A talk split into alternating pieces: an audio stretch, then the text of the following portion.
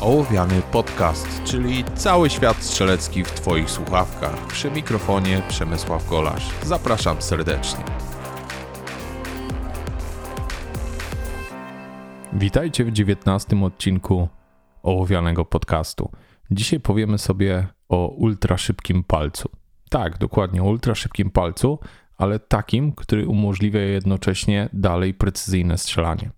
Każdy marzy o tym, żeby oddać na przykład 10 strzałów lub więcej w czasie jednej sekundy, czyli przełamać tą mityczną jedną dziesiątą sekundy w serii, ale tak naprawdę niewiele to daje z tego względu, że nie wpływa znacząco na to, jak na przykład strzelamy na zawodach. Liczą się zupełnie inne rzeczy. Liczy się szybkość przenoszenia ognia z celu na cel, liczy się celność podczas tego szybkiego strzelania i liczy się także to, jak skutecznie poruszasz się po torze, czyli wchodzisz w pozycję i wychodzisz z pozycji strzeleckiej, czyli wszędzie tam, gdzie musisz się zatrzymać, żeby ostrzelać swoje cele, a jeszcze lepiej zrobić to w ruchu, tam gdzie inni muszą się zatrzymać. Tam wszędzie nadrabiasz bardzo dużo czasu. To, co jest dość łatwe do osiągnięcia w karabinku, ponieważ splity w granicach 1,1 sekundy w karabinku nie są niczym nadzwyczajnym, jeżeli jest dobry spust i masz już jakieś umiejętności strzeleckie, jest naprawdę bardzo trudne w pistolecie. Z tego względu, że karabinek sporo wybacza. Masz e, kilka punktów podparcia, tak, ponieważ mamy kolby na ramieniu, mamy drugą rękę, która trzyma łoże z przodu karabinka i możemy jeszcze do tego przytulić się trochę polikiem do górnej części kolby. No i mamy całkiem stabilną postawę, całkiem stabilne ułożenie tego karabinka na naszym ciele. To pozwala wybaczyć wiele błędów na języku spustowym.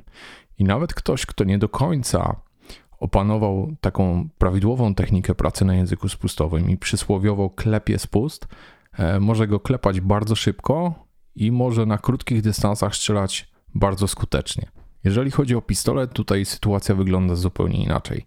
Przede wszystkim z tego względu, że nie mamy tych punktów podparcia. Wszystko jest tylko w naszych dłoniach. Nie mówię tutaj o bardzo szybkim strzelaniu, jednocześnie ze skuteczną kontrolą odrzutu, ale mimo wszystko to właśnie to szybkie strzelanie jest tym, czego naprawdę szukamy. Wiele osób głównie dlatego e, wymienia mechanizmy spustowe, e, dlatego zmniejsza opór na języku spustowym, nie po to, aby tak naprawdę strzelać skuteczniej, tylko po to, aby strzelać szybciej. I powiedzmy sobie wprost, jest kilka zmiennych, które zdecydowanie zwiększają nasze szanse na to, aby skutecznie wykonać takie ćwiczenie. Jednym z najlepszych ćwiczeń na strzelnicy do tego, aby rozwijać swoją prędkość, jeżeli chodzi o kolejne strzały, jest build drill. Ćwiczenie to wykonujemy od bardzo bliskiego dystansu do bardzo dalekiego dystansu. W zależności od tego, na jakim dystansie wykonujemy to ćwiczenie, sprawdzamy coś innego. Jeżeli robimy build drilla na przykład na 3 metrach, to skupiamy się przede wszystkim na prędkości palca.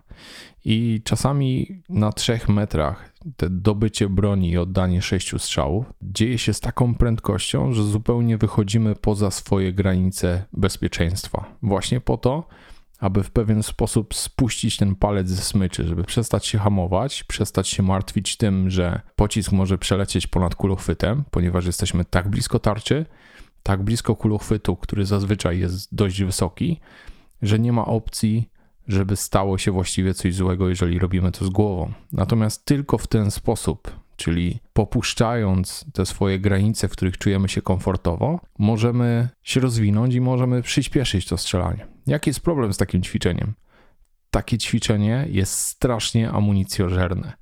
Jeżeli weźmiemy sobie pojedynczego build drilla, czyli oddamy 6 strzałów, to nic złego się nie dzieje, ale żeby tak naprawdę mocno przyspieszyć na języku spustowym, to te build drille trzeba ćwiczyć w kółko. I uwierzcie mi, że wywalenie 500 sztuk amunicji na treningu build drilla trwa naprawdę chwilę. Po prostu jesteś pół godziny na strzelnicy, patrzysz, nie ma 500 pestek, możesz jechać do domu. I problem w tym, że nikt naprawdę nie ma takich funduszy, poza nielicznymi osobami, e, w, nie wiem nawet czy w tym kraju, czy na świecie, żeby takie ilości amunicji przepalać tylko po to, aby strzelać szybciej. Jakie zatem są inne metody? Przede wszystkim spójrzmy na to z punktu widzenia sprzętowego. Weźmiemy sobie pistolet, który ma znacznie krótszy reset. Zmniejszymy opór języka spustowego. Czego nie należy przede wszystkim robić? Nie należy zmniejszać oporu sprężyny powrotnej języka spustowego. I to powie Wam każdy doświadczony strzelec pistoletowy. Dynamiczny oczywiście. Dlaczego? Dlatego, że ta sprężyna ma bezpośredni wpływ na szybkość naszego palca, ponieważ tak naprawdę my nie jesteśmy w stanie poruszać palcem konsekwentnie tak szybko, żeby strzelać te splity w granicach do 1,1 sekundy. Trzeba się nauczyć innej rzeczy. Trzeba się nauczyć bardzo szybko ściągać język spustowy i to, aby to ściągnięcie języka spustowego było skuteczne, ale nie powodowało zejścia z linii celowania, trzeba się nauczyć ściągać ten język spustowy dokładnie z taką siłą, jaka jest potrzebna do tego, aby zadziałał mechanizm spustowy.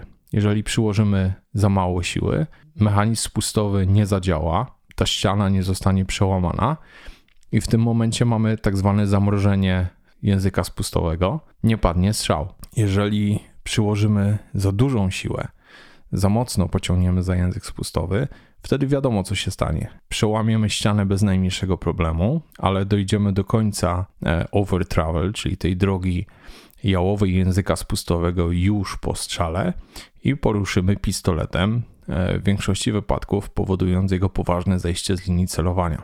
Czyli po raz kolejny tracimy na skuteczności.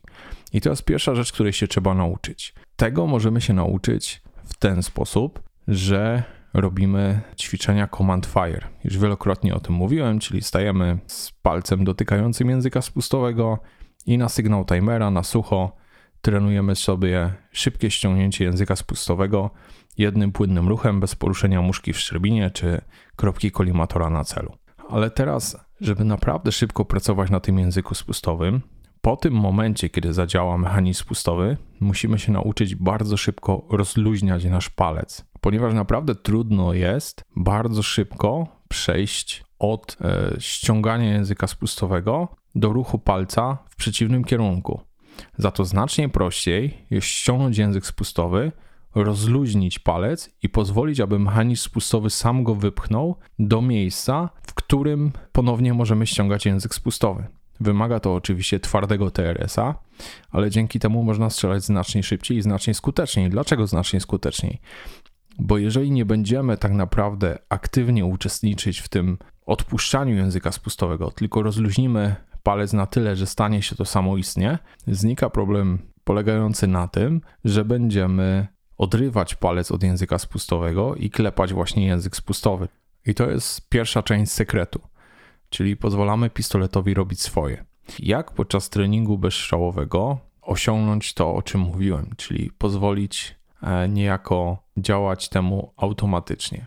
Ja mam akurat takie szczęście, że obecnie trenuję z Walterem Q5 Match SF Champion, w którym mam założoną twardą sprężynę powrotną TRS-a i ten pistolet po strzale nie ma martwego mechanizmu spustowego, czyli TRS cały czas dalej odbija język spustowy po każdym powtórzeniu, mimo że mechanizm spustowy już tak naprawdę nie działa to mogę sobie w ten sposób pracować na spuście. Więc de facto dzieje się dokładnie to samo, co działoby się podczas strzelania, ponieważ nie zmienia się ta siła, z którą sprężyna TRS-u odrzuca palec na języku spustowym. Jeżeli mówimy tutaj o glokach, żeby zadziałało podobnie, możecie sobie cofnąć delikatnie zamek i w okno e, wyrzutowe łusek pomiędzy komorę nabojową a powierzchnię, gdzie mamy czoło zamka z otworem iglicznym, włożyć kawałek gumki recepturki lub kawałek zgiętej kartki, po to, aby pistolet się w pełni nie zaryglował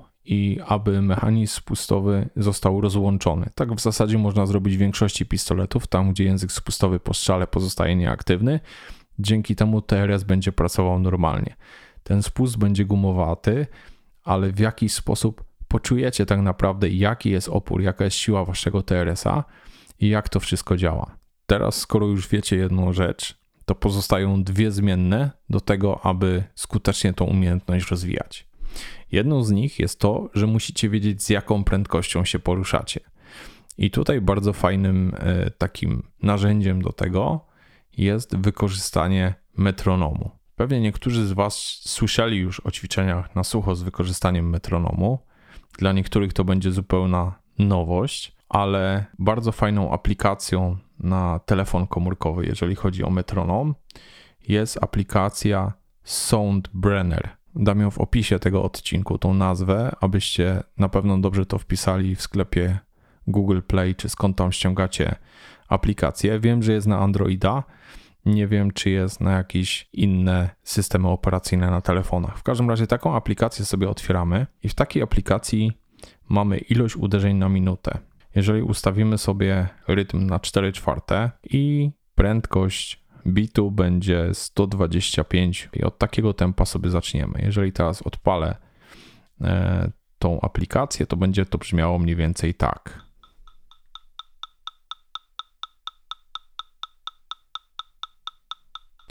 I to jest takie bardzo spokojne tempo do tego, aby zacząć pracować na języku spustowym właśnie w jakimś określonym reżimie czasowym. Dlatego, że aby nauczyć się strzelać szybko, trzeba trenować te mięśnie, które za to odpowiadają. 125 uderzeń to naprawdę jest spokojne tempo.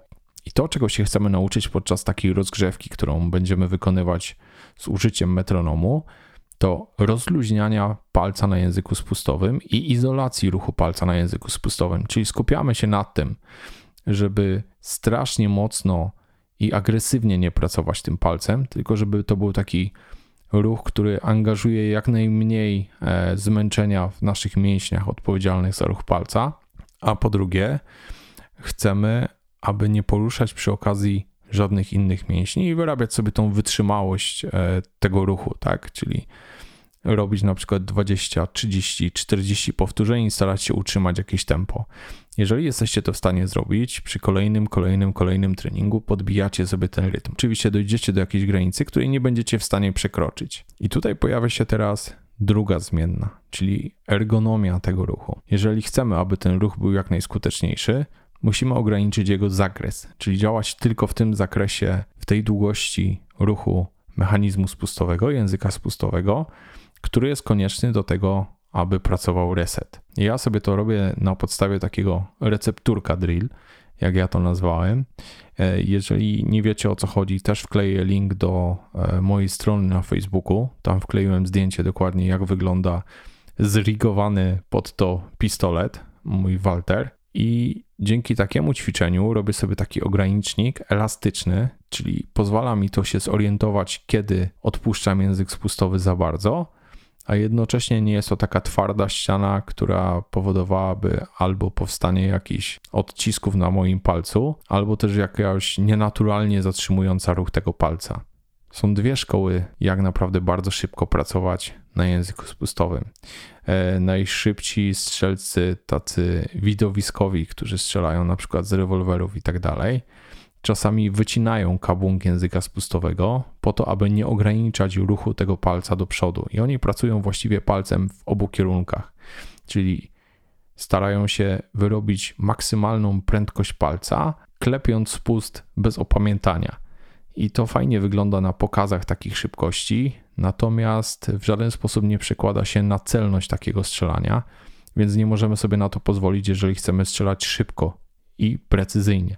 Więc my w zasadzie powinniśmy się skupić na tym jak najkrótszym ruchu języka spustowego. Jest jeszcze technika tak zwanego trigger slapa, e, którą strzelają strzelcy e, głównie korzystający z pistoletów 19-11 z racji tego, że tam kabung, e, w którym znajduje się język spustowy, nie jest zbyt obszerny, za to mechanizm spustowy opiera się na spuście suwakowym, o bardzo niewielkim ruchu i resecie, tam jest w granicach 1 mm, mogą sobie oni pozwolić na to, że ich palec działa na zasadzie tłoka maszyny parowej, czyli po prostu przednia część kabłonka jest dopiero ogranicznikiem dla palca. Kiedy palec dotknie przedniej części kabłonka, zaczyna się ruch wsteczny, klepnięcie w język spustowy. Przy tak krótkiej drodze, przy drodze, która jest niejako ruchem posuwnym, ta technika działa bardzo dobrze, jednak jeżeli spróbujemy tą technikę zastosować na innych pistoletach, to wtedy to przestaje tak fajnie wychodzić i pojawiają się znaczne błędy w postaci rozrzutu na tarczę. Podsumowując te wszystkie wskazówki, o których mówiłem, pamiętajcie o tym, że TRS musi być silną sprężyną, jeżeli chcecie korzystać właśnie z tego ściągania ruchem kontrolowanym języka spustowego i pozwalania na to, aby to język spustowy odrzucał was z powrotem. Rozluźnianie palca na języku spustowym, e, praca na metronomie, aby wiedzieć tak naprawdę z jaką prędkością potrafi poruszać się wasz palec. Oczywiście celujemy wtedy pistoletem e, i patrzymy, jak mocno poruszamy tym pistoletem.